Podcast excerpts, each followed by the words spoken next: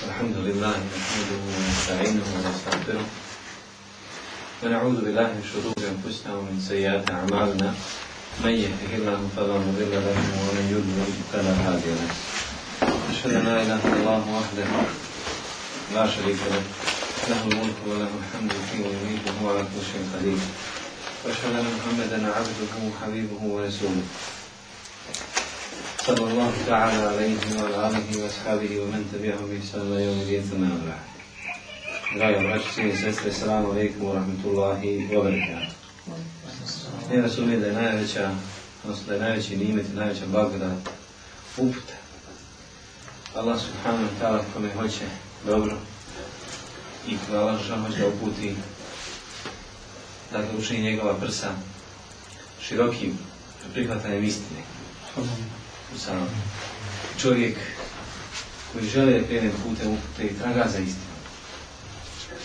I mi svakodnevno molimo Allaha subhanahu wa ta'ala da nam podari da idemo putem, da krenemo putem istine, da smo na uputi, da nam Allah podari svoju milost. Međutim, suprotno od svega toga, postoji gaflet, nema zabuda, krivi put, iako je čovjek dužan dnevno da 17 puta obavezno, dakle farzno je 17 puta da zamoli Allaha subhanahu wa ta'ala da zamoli Allaha subhanahu wa ta'ala da ga uputi na pravi put pa kaže ihdina siratan mustaqim. Međutim, Allah poslanik sallallahu sallam govori o jednom drugom stanju ljudi koji nikada upute ne dođu. Bez obzira što hlanjaju, bez obzira što postoji, bez obzira što odu na hađ, bez obzira što non stop zikri, što non stop uče te dove. Jer Allah poslanik sada sam kaže Inna Allahe la jestađivu du'a'an min qalbi gafirin lahim. Allah subhanahu wa ta'ala se neće dazvati na dovu nemarnog srca i onoga koji da te ne haji. Nije samo dovoljno tražiti putu. Podneseš mogu za posao i kažeš šta briga će dati ne dati ima socijala. Nije dovoljno. Čovjek mora da uloži maksimalan trud, neka ode na na razgovor, šta, trudno se predstavi kao jednom pozitivnom, produktivnom strujom društvu, pojedincem društvom, skupinom i tako dalje, kaže ja sam, ja sam, ja sam, ja imam te mogućnosti, ja imam tu i tu školu završenu, imam toliko kurseva, imam toliko, dakle, specializaciju ili iskustva. Čovjek pristaje najbolje, da se pristaje najbolje stanju i onda da je, ima namjeru, namjeru da jel, radi određenim poslu kojim se ponudi putem birova. Međutim, gaflet ili nemar kvari dobro. I zato veliki broj ljudi, odnosno veliko broj ljudi biva uputa uskraćena. I vidite ih, vidite onakvi kakvi jesu. Ja općenito ovim, dakle, desno je prošlim i ovim, oćem se muslimanima. Jer ljudi počesto postavljaju pitanje pa kažu dovio sam ili recimo taj ta osoba non stop davet ili non stop govori ili tako dalje. Međutim, nije nikad fajdi. Ili čovjek za sebe kaže koliko se trudim, ne osjećam slasti badita. Međutim, te prepreke, njih ima mnogo. Prvom redu tu spada slabost poznaje. Savršenstvo ne može niko postići. Ne postoji niko savršen osim koga. Allah subhanahu wa ta'ala. Međutim, čovjek treba da žudi ka savršenstvu. Da upotvrdi svoju ličnost. Problem spoznaje, odnosno slabosti spoznaje jeste spoznaja istine i razlikovanje istine od neistine i zatim davanje prednosti istini nad neistinom. Jer ima ljudi koji znaju istinu, ali ne dadu prednosti, nego se ušuti. Dođu do pola puta, a ne osjeti dovoljno da imaju snage da nastavi do kraja cilj. Ne mogu da nastavi. Allahu poslanik se Bogan se govori Allahumma seluke al-azimet ala rušt Gospodar, ja te molim za ustrajnost na, na istini, na pravom putu. Ja te Allahu poslanik sallallahu alaihi sallam dovio i molio gospodara subhanahu wa ta'ala za uputu i učušćenje na, njegovoj vjeri pa kaže Allahumme, ja mu kalib il kulubi wa rafsar, sebit kalbi ala, dinik. Allah, ti za koji izokrećeš vidove i srca, učvrsti moje srce u tvojoj vjeri. I ako je poslanik se Allah ali se molio, a do kako smo mi položaj, kako mi treba da molimo Allah subhanahu I ako Allah poslanik se Allah sallam se bojao da ne bude okrenut, jer Allah poslanik se Allah ali sallam žudio da budu ljudi oko njega upućeni. Žudio je. Žudio je za, za kim? Svojim narodom. Želio je da, da jevreji krenu njegovim putem, tako? Želio je poslanik se Allah ali sallam. Ali onda Allah subhanahu wa ta'ala presica svaku mogućnost. Oni dakle koji ne žele uputu, zato što ti želiš to, pa ima Allah wa ta'ala vidio, kuli ja ihlu kafirom. Dakle, nema pogodbe se nevjernicima. Ili kao što su jevreji govorili, vjerovat ćemo jedan dio dana do podne, pa ćemo posle podne vratiti našoj vjeri, ne bi oni vidjeli kako mi slijedimo njihov vjer, pa ne bi oni slijedili našu vjeru. Iako jedni drugi, dakle jevreji i kršćani jedni drugi, mi smatrali vjernicima. Osim danas što imaju Papa, Pavle drugi, on je dao poštovanju, samo vas znam za koliko. Allah subhanahu wa ta'ala kaže وَكَيْفَ تَسْوِلُ عَلَى مَا لَمْ تُحِتْ بِهِ خُبْرًا Kako ćeš, šta? Biti saborovi nad onim o čem nemaš znanje. Ovo je Hidr rekao Musa alaih sallatu Jer Musa alaih sallatu wasalam dakle, treba da posjeduje šta? Spoznaju. Znanje. A nije ga imao. Jer je se zarekao i rekao na svijetu ne postoji niko učeniji od mene. Pa subhanahu wa ta'ala iskušao. E šta mislite danas koliko je našem društvu oni koji kažu ja sam najučeniji, nema niko učeniji od mene. Bola ne bio. Da znaš koliko istih žali. Da znaš koliko ne znaš. Da znaš koliko ima toga što mogu da saznaš, a nikad neće da pusti do, do kraja. Onda čovjek, što više čovjek uči, sve više spoznaje da ne zna. Što više uči, spoznaje koliko je, dakle, nauka more. Međutim, pojedinci zapečati i kažu, ne, mene ne može niko učiti vjeri. Ni jedan šej na svijetu ne postoji ko mene može učiti vjeri. Allah, maša Allah. Docent, doktor, akademik, profesor, on, maša Allah, Tbajke Rahman, stekao svo znanje u Beču. Je dvije godine kursao i od u Medini. Tako? I mnogi njemu slični. I onda dođe i kaže, ja sam najučeniji. Bauštala, počne uz čovjeka. Općenito muslimani danas plivaju u neznanju. I nije čudno što se muslimanima pripisuje uvijek ono, dakle, zatucano, glupost i tako dalje. Postoje, nije opravdano, neću nikad to privati, musliman su učena nacija i tako dalje, tako dalje, ali postoji opravdanost u onim slučajevima kada ljudi ne žele.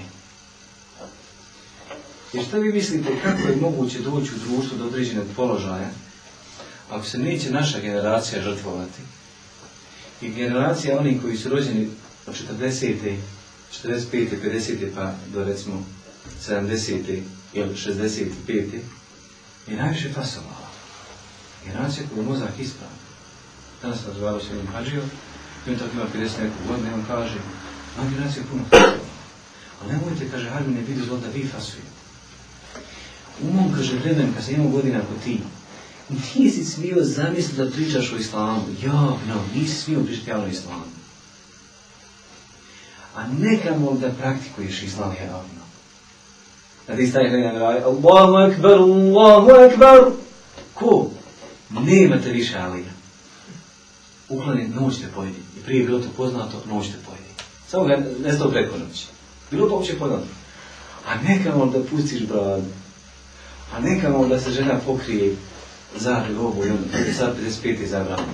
A nekamo, mnogo što šta. Zamislite sad, recimo, jedan recimo skup koji se organizuje na Imanu, pa se organizuje na jezeru, pa se organizuje šta ja znam, na Vlaš, pa se organizuje u veliku klasičnom što dotiku smeta i tako dalje. Znači na te skupove. Znači te skupove recimo 68. kad su bile velike demonstracije, kada je tinta vojska ušla. Dakle, treba iskoristiti ovu slobodu i danas nikome nije zabranjeno da ide u školu i nikom nije zabranjeno da se u školi, da završi fakultet, da završi fakultet, da završi da doktorira i šala ta. Nikome nije spriječeno. A treba uložiti maksimalno. Onomad je bilo šta? Muslimanu, to će podati jedna fraza, kaže musliman kupio dva vola i rekao dijete posle osmog rata i četiri ne trebaš više, hajti vam, imam puno njivi. Dok je vlah prodao volove pa je školovo dijete. I onda kad pogledate, recimo, procentualnost u vojsci, procentualnost u vojsci, koliko je bila generala, koliko je bilo, recimo, ova, kako zove, uzvišeni svijet, svijet njihovih činova, dakle, visoki činovnika u vojsci, u općini, u, u vladi, policiji normalno, dakle, sve vladajuće strukture, u svim vrstama ministarstava.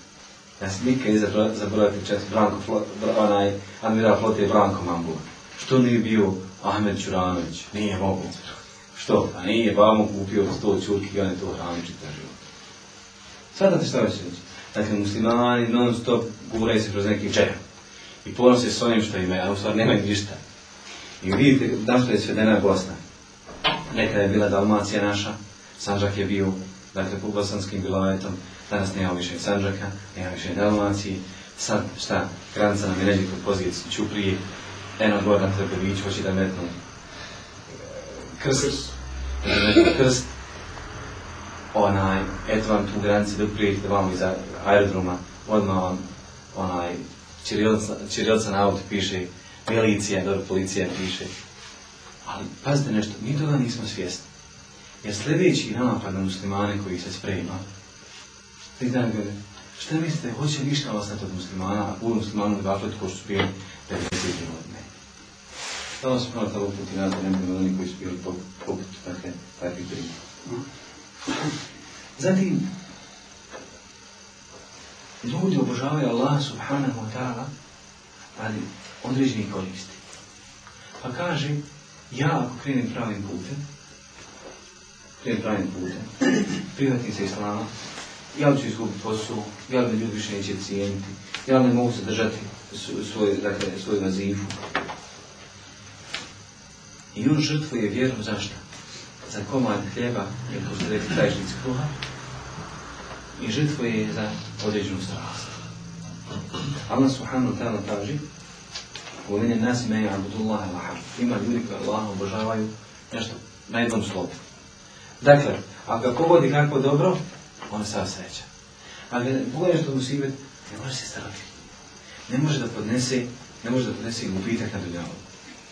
Čovječ shvati da borba na dunjalu traje, eto rećemo 50 godina. Kad čovjek shvati i do kraja života. Da li je moguće da čovjek tih 50 godina dakle, žrtvuje vjeru, žrtvuje ahiret, vječni i normalno ahiret, za nešto ne znam. Ili drugi primjer. Čovjek radi u firmi 40 godina ili 45 godina. Dadnu mu penziju i on živi još 4 godine. Vrisne mu pet. Plaćaju se vam doprinos 45 godina država. Ogulili ga, ogulili ga kako su pozitivni. Fizički i psihički, non stop imu direktora. Nikad nije mogu biti tad direktor. Gulili ga. I on je gradio, gradio, gradio. Šta mislite ko je izgradio Austriju, Njemačku i Sloveniju i Hrvatsku? Ko je izgradio? Bošnje. Bošnje je izgradio, priča po šta hoće. Šta radiš? Kaže, ja sam pomagač švagera. U kojem smislu? Kaže, on kad raskriže ono što ostane, ja lopatom to odbaci. Allah je prava ziha. Koji posao? I on se time diči. Nikad nije razmišljio šta? Nam bude onaj koji će doći gospodin sa fitiljem, doći limuzinu službeno i reći, momci, imamo, postrojite se, Marko Đuro, hajmo. Ne, nego bilo suprotno. Pjero na živo, Mohamed, Hasan, Huseinu, Islamu i šta ja znam, i tako dalje. Druga prepreka, nesposobnost da se ponese odgovornost na tom putu. Šta to znači? Ima ljudi koji sebe promovišu u društvu za ono što nisu sposobni. Gura se. I čemu nije mjesto gura se. Evo je jedan banalan primjer. Dođite u džamiju, ima ljudi koji znaju čitav Kur'an. I uleti tam neki deda koji nema pojma razlika šta je ha i ha i ha, ni zna ajn, ni gajn, ni qaf, ni, ni kaf, nikakvi razlike možda napravi. A ovaj hafiz, čovjek, nivo, moral, učen, nosilac Allahom i smata knjigi, i on stoji za njega i mora trpiti da se preznaje što njega sluša. Da ne govorim, da ne govorim o većim nekim stupnjima. Da ne govorim o nekim obavnim sinovima koji se proguraju na, direktorske fotelje, na vlade, vladaću strukturu. Na strani postoje oni koji mogu da podnese. Zašto? Jer njegovo srce je osobno. Nije srce, srce upute, nije upućeno shvati da kaže ja nisam za to, ja sam samo, ja sam sposoban, ja neću. Jer Allah poslanik sallallahu alejhi kaže rahmallahu mradan arafa qadrahu wa waqafa in dalik. Neka Allah smije čovjek koji zna svoje mogućnosti pa stane kod toga. I on kaže ja sam sposoban da određenu stvar. A nisam za to. Ja, evo lično, nikad ne mogu biti vođa naroda. Ne mogu biti direktor. Ne mogu. I što je u tome problem da ti kažeš, ja volim da ima neko koji će naređeti, koji će nas ufirati, ima ljudi mnogo koji znaju isplanirati. Ja, ja sam. Normalno to se dešava najviše u mahalama, gradskim mahalama i na selima. Mutevelija, najgore, u nas Mutevelija ima kazan, ja sam to pričala, ima kazan za rakiju, Mutevelija bio, u Selovski. Ja kažem, ja sam bilo 108 kuća u sebi. Koliko iz 107 kuća nimo pamet kaže, halo Huso, Huso bilo ime, Huso, ne možeš ti biti Mutevelija, Mutevelija možda bude čovjek pomoćan. A Huso nas je imao kazan i on je bio Mutevelija, dakle on se brinuo za vjerska pitanja u sebi. Vazifa hoće da uh, izgleda džavije, šta ja znam, sve ono što je glavno za islam. Subhanallah, dakle, koja je izopačenost? Zašto? Zbog sredokornosti njihovih srca. Treći, zavist i oholost. Allah poslanik se Allah se nam protefsirio, dakle protumačio je zavist i oholost općenito, da je to zanemarivanje istine i podaništavanje ljudi. Suprotno od toga je skrušenost, dakle staloženost, smirenost, da čovjek prihvati istinu od bilo koga da bude. Ahmed ibn Hanbal rahimahullah ta'ala običava da ode kod Sufjana Dersove. Sufije njegovu vremena nisu Sufije današnje. Ali dođu kod Sufjana njihove Dersove, kad je bilo pitan zašto ti ideš kod Dersove? Kaže da se malo srce svekša. A što znači da ono što bi saznao od istine, prihvatio. Istina se prihvata, no makar došla i od koga? Iblisa. Kad došla od Iblisa, istina se prihvati. I znate hadis ove Hurerka je ili došao i kravo i kravo je nekoliko puta, znate ovo treći put kaže, pusti me se nešto naučiti, što proučiš nakon toga ti neće moći niko našteti, i onda kaže Allah, la ilaha ila rahim, i onda dođe poslanik sam kaže, Bože, što ostaniš? On na sam sam kaže, šta je uradio tvoj, dakle, prijatelj sinašnji, kradljivac to, sahirija, jel, kojih si hvatilo. Ma, pa, je radila, on kaže, tako i tako, uvatio sam, pa mi je rekao tu i tu. Moj sam kaže, sada takve, ovo je tu. Istim ti rekao, a on je lažao. Istinu ti je rekao. Dakle, istina se prihvata. Jedno se ne marati istinu. Kogod da dođe da kaže istinu, prihvat ćemo. Ali ne mora to znači da tu treba, osob treba slijedati, taj osob treba da... Koda mi imamo problem što mi gradimo nešto što je kult ličnosti. Se za insana i kažemo, on je taj, gotovo. I onda dok on posrne, hej, ne da stafirila, ali, i ono što on promovisao i tako. Odiješ istinu, ako se odvije osobu. To je već problem. To je već problem kod ljudi. Zatim, e, Iblis, Allah ga prokleo, je bio protjeran i proklet, bio protjeran žrta i bio proklet upravo radi čega? Radi zavisti i oholosti. Nije mogao krenuti putem istine. Nije mogao, mogao doći do upute upravo iz tog razloga. Ovo zaholio se. Kad bi bilo da naređen da učini sežu sa melecima, odbio je. Šta je rekao? Ene hajran min. Halaktani mene nar, o halaktahu mene plin. Ja sam bolji od njega. Stvorio sam dva tri, a njega se stvorio od ilače. Ilače, gline, ustale zemlji. Dakle, njegova logika je bila šta? Da je vatra bolja od gline, tu glina prlja ovo ono.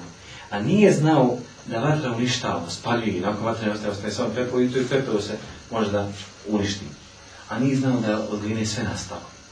Či, sve što postane zemlje iz gline, drveći iz gline, da, kamen ima materiju od onoga što je od zemlje i tako dalje. Čovjek sa građan od gline, sve, sve, sve, paprika, paradajš, karodeske, voće, poće, sve, sve od gline. Rude koje su izašle mimo železa, sve iz zemlje. Odakle je željezno? Senira. Jevreji nisu prihvatili istinu i nisu krenuli putem istine, ne upute, upravo zato što su bili šta? Oholi. I što su bili zavisni, dakle, zavidali su. Kome je zavidali? Ensarijama. Prije što je Muhammed sallallahu sallam došao među njih. Oni su prijatelji Ensarijama, jevreji su prijatelji Ensarijama, Medilinima. Pojavit će se uskoro poslanik koji ćemo mi slijediti, sa kojim ćemo se boriti protiv vas. Jer Muhammed sallallahu sallam došao, oni su ga spoznali, znali da je on, da je on poslanik. Jer Allah subhanahu wa ta'ala kaže Alladina atinahum al-kitabe ja'rifunehu kema ja'rifune evlanehum Onima, dakle oni kojima smo dali knjigu, kome jevrejima, znali su ga kao što znaju svoje sinove. Abdeselam ibn Mišken i Hojej ibn Ahtab. Kad su čuli da Muhammed sada dolazi, šta su? I sakrila se za. I gleda. I kaže vam njemu, je on? Kaže, jeste. Pojavio. I svi znaju da je on on. Onako kako je zapisano u Tevratu. I po obliku, i po ponašanju, i po skrušenosti, i po svim svojstvima kako je Allah subhanahu ta'ala opisao. I po onome kako je Allah opisao šta? Ashave oko njega. Velike metalom fi teurati, a? To je njihov primjer u teuratu i u inčilu. Kezerain ahređe šata'ahu poput biljke koja izdana svoj dadne li je zagida bihimu far da bi njima naljutio nevjernike. Njima, pošto je kod nas šta, našem razumom, pukao film, nek se, nećemo ga slijediti. Što? Među nama. I onda su šta, njih dvojica u razgovoru, kaže, ja mu se začinu neprijateljstvo sam živ. Ali Allah poslanik se ali se nama ženio koga? Sofije. Ojej. Jarane, postao ti je zet, prihvatio ti ne prihvatio. Odvio ti kćerku. Što znači da ga Allah subhanahu ta'ala veći položaj nego što stiranje u mogu. Elemenic, priča za sebe. Ali nisu ga prihvatili, iako su spoznali istinu, iako su ja'rifunehu kema ja'rifune ebranehu, wa inne ferika minhum rekulun al-haqqa, wa hum ja'lamun. Ali skupina od njih kriju istinu, dakle te vođe koji su krila istinu, wa hum ja'lamun, ali su znali. Ilm, znanje, bio su ubijeđeni da je poslanik sa sedam poslanik. Nije bilo ništa nepoznato, nije bilo ništa strano. Ali nisu ga htjeli prihvatiti zašto? Iz oholosti, iz zavisti zašto se pojavio među ensarijama, dakle među njima, zašto se nije pojavio među njima. Također Abdullah ibn Ubej ibn Salul odbio je da prihvati ima, odbio je put istine i upute i Ebu Džehlu i svi su odbili put istine iz čega? Iz oholosti. Nisu mogli prihvatiti da Allah poslanik sallallahu sallam bude taj koji će rec, recimo njih predstavljati, njima naređivati, da bude njihov vođa, da ih upućuje i tako da. Abdullah ibn Ubej ibn Salul treba da bude krunisan između Evesa i Hazra da bude jedan kralj Medine, onaj koji će praviti. Allah poslanik sallam došao u jedinu njihova srca, dokinuo kraljevstvo tog tipa, dakle da budu sluge i robovi Abdullah ibn Beja i njegove dinastije koja se recimo slijedila nakon njega, iako je njegov potomak bio ko? Abdullah ibn Abdullah ibn Beja, nego sin Abdullah, moj sin Abdullah isto ime bilo, moj sin Abdullah, to je primjer čiji islam bio izvanredan islam. Kad se vraćali s pohoda na Huneinu i kad je Abdullah ibn Bej mu se rekao, Lejn rađana ili medinetu da je hođena la'azu minha na ako se vratimo u Medinu, časni će iz njih istirati mi poniženi. Njegov sin Abdullah je stao na medinska vrata i kaže, Boži poslaniče, neće ući. Od svom rekao, babo, glava, pokušaj ući glava ti ide. I nije smio ući sve kad Allahom sam sam rekao, Abdullah, pusti svog oca nek ući. Allah Žešanu kaže, čast pripada kome Allah, njegovom poslaniku i vjernica. To ono što se pozvao Abdullah ibn sebe. Hvala da kažem, šta znači put upute koji je krenuo njegov sin, a on nije upravo to da je mržnje i je zaviste. Od prepreka upute jeste vlast.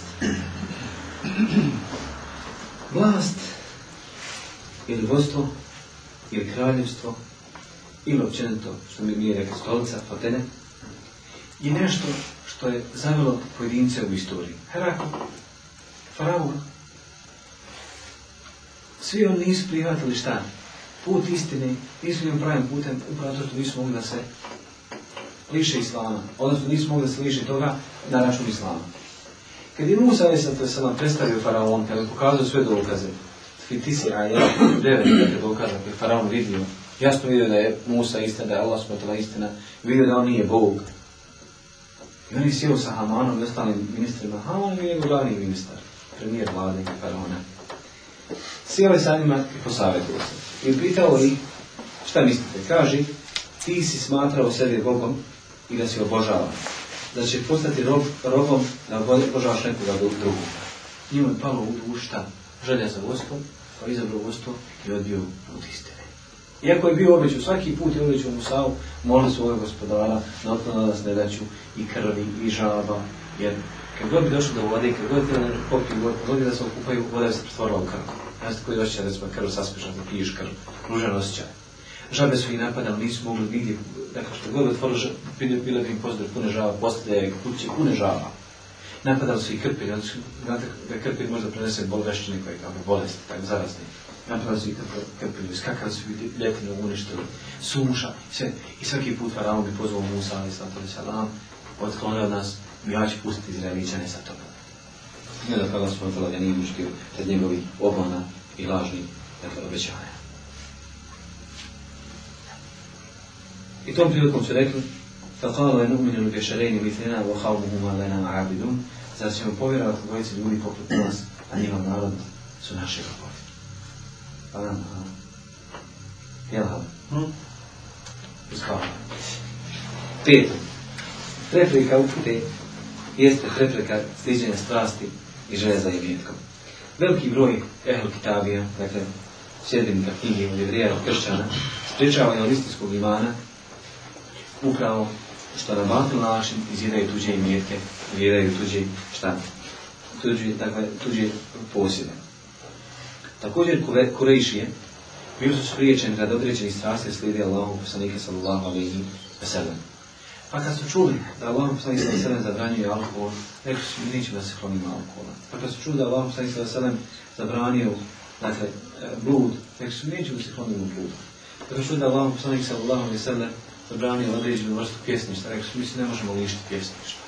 Dakle, džahilijesko pjesništvo, veličanje božanstva, veličanje dakle, porijekla, dakle, džahilijsku veličanje. Kao što je žena, recimo, spominješ tu, patriotizam i te slične stvari.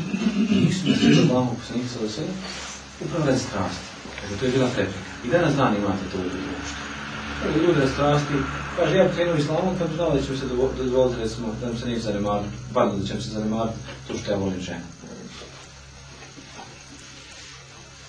Ona je voli ženski. Imam šafija, imam šafija, rahmullah ta'ala kaže, postiću ženski. Kaže, men zena fi gajri bejtihi bi elfi dirhemin, fekad zunije fi bejtihi bi nusfi dirhemin. Ko u tuđoj kući čini blud, za hiljadu srebrenjaka, u njegovoj se kući čini za pola srebrenjaka. I onda Allah, šta isto sallam, kad je pozvan mladića, htio prihvatiti islam, kaže Boži poslanik, kaže primiti islam, ali pod uslovom da se dozvoli blud. No, malo se sad prešlo da sjeti. Kajma logiku. Bil ti da se čini blud s materom? Materom? Moje A šta kažeš sa sestrom? Sa sestrom glavom će skin. A žena? Kućeš sa ženom. Vam sad sada stavio oko prsima, poučio dobu i nije želio nakon toga budi i umrao kao veliki zahid, veliki pobožnjak, iako je bio bogatar, bogataš, kad su ga pokrili po glavi, vidjela mu se noge, kad su ga pokrili po glavi, vidjela mu se glava, zaboravio sam ime, radi Allah. Dakle, Allah poslanik sa je liječio ovu bolest čime? Koliko? Čovjek voli alkohol. Dobro paše ga moj solidni hod vam nešto ispričam. Kad popiješ čašu rakije, zamandat se u glavu. Sjediš u auto, razbiješ auto, sebe oštetiš, naučiš sebi policiju na vrat, sud na vrat, ubiješ nekoga na cesti, ubiješ nedužno dijete, ubiješ nedužnu ženu, ubiješ nedužnog čovjeka, napraviš veliku štetu, recimo šta je on slomio se zla, zlamak ili ovo ili ono, a milion nesreća. Dođeš kući, istučeš ženu, prebiješ djecu, razbiješ osu zube, tučeš mater, očupaš mater kosu, u kafan se potučeš sa najboljim svojim prijateljima, dakle, ispriješ, izružiš, ispovraćaš se po postelji, ispovraćaš se po kafani, da ne govoriš. To je neke posljedice alkohola. Je li alkohol? Ali oni, dakle, ne mogu biti, ne možeš sa njima razgovarati sa takvom borom. Nije što širijetski dokad, ti, ti ne pali kod tebi, misli kad se uči kuna, kad se umiga, hadis, nema Ali evo, sagledaj svoj život kakav bio, ako bi ti da bude realista. Šesto, pojedince sprečava od upute ljubav prema porodci, bližnjima i plemenu.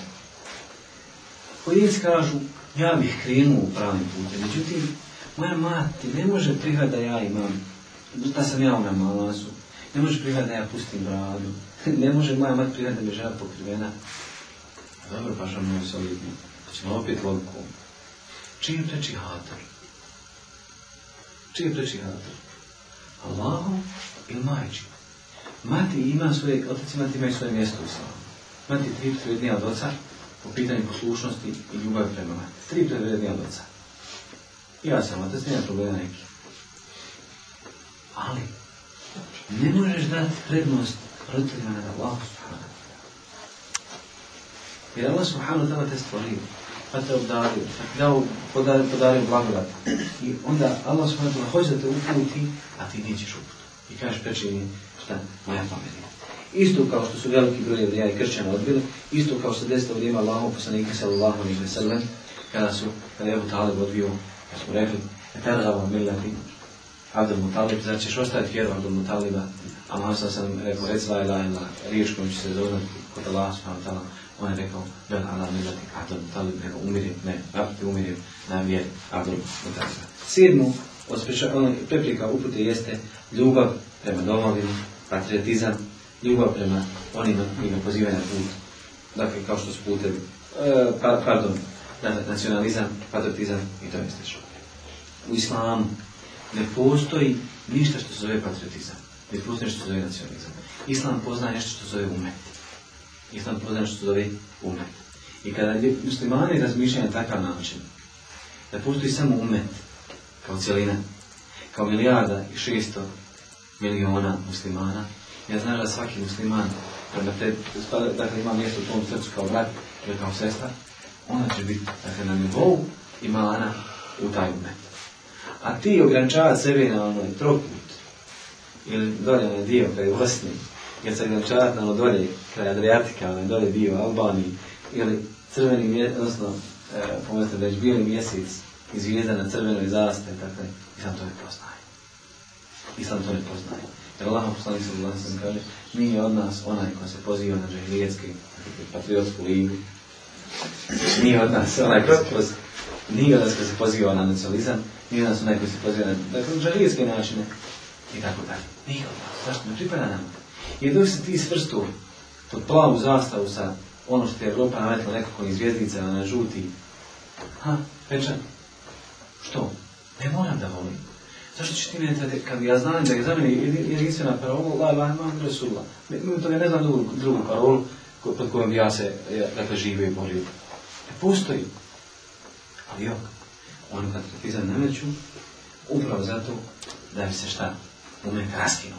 I pogledajte Salman al-Farsija, pogledajte Suheba Rumija. Salman al-Farsi je bio jedan primjer čovjeka koji se borio za istinu, koji je tražio istinu. I ostavio je, dakle, Persiju, došao kod poslanika sallallahu alaihi sallam, samo radi istine. Samo radi istine. Danas isto tako, naši muslimani lete na zapad za istinom bankovnih čekova i bogatstva. I oni su najveći, ja sam nekada došao, bio u Kuvajtu sam jednu firmu. Ovaj, možete mi reći, firma telekomunikacije i mobilna telefonija. Velika firma, Ajan. I parkiramo se ja, brat, poslanac, Kaže mi, rekao, vidi nedim Allah, kako je auto. Jasnici, bosanska zastava, I love Bosnija, Bosnija je my hell. Da, donijela ta, oko tablica, sve, bosanski zastava. E, auto Džiđa. Znate znači Džiđa cirkus? Bi pukli u svijet, ko su malo, jesti ko je to patriota, mi reku u dole krvarima, ja, ma, nema, evo nas.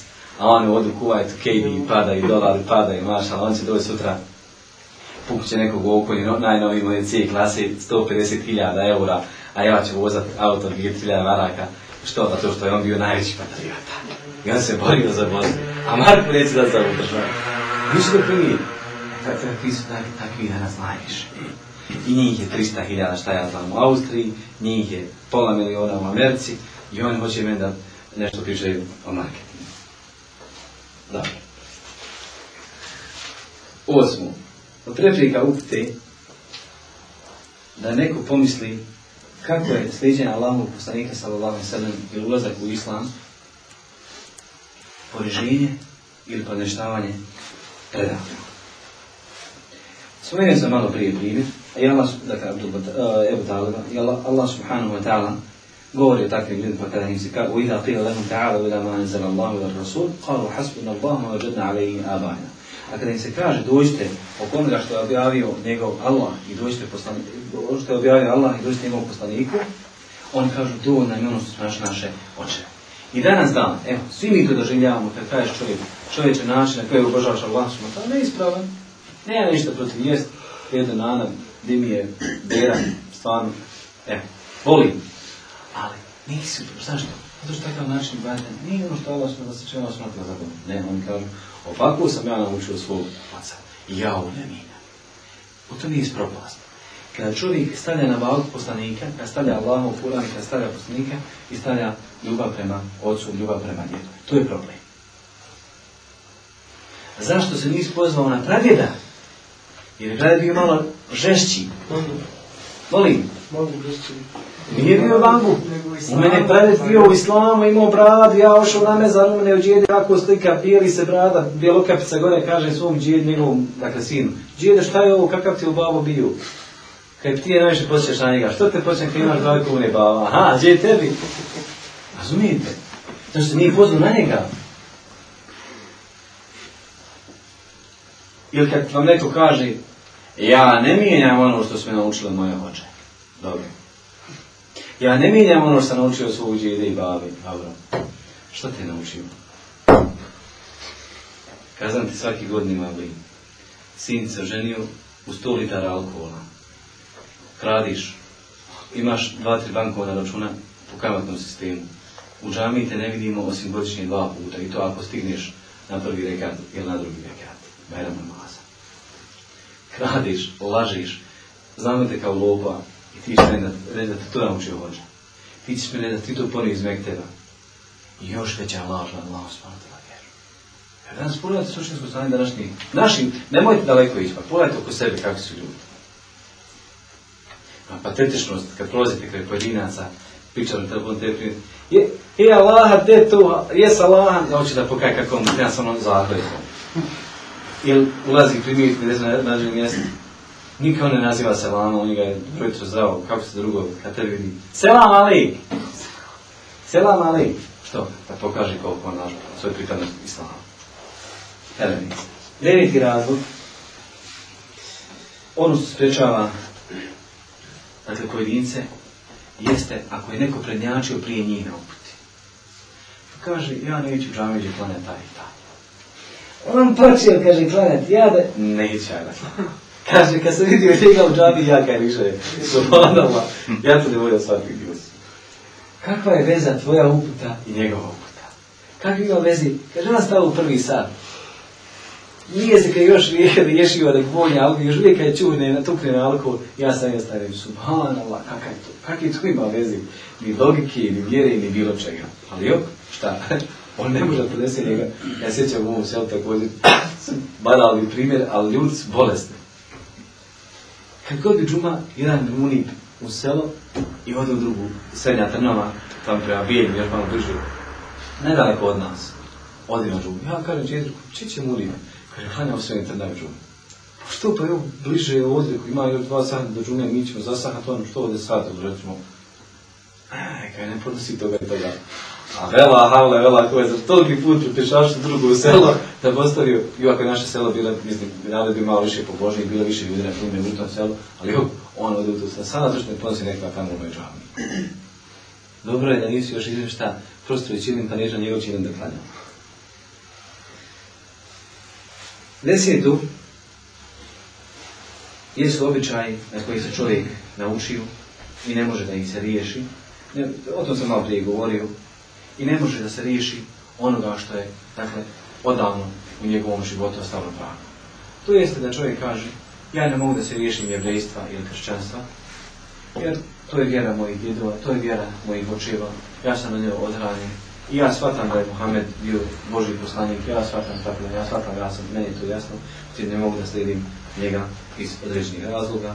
Oni kažu, nisu naše svoje očeve na toj vjeri i mi njihovim koracima slijedimo. Inna uđedna banja ala umetinu, a inna ala tarihim, lene ala tarihim uhtedun. Dakle, mi koračamo njihovim dakle, stopama.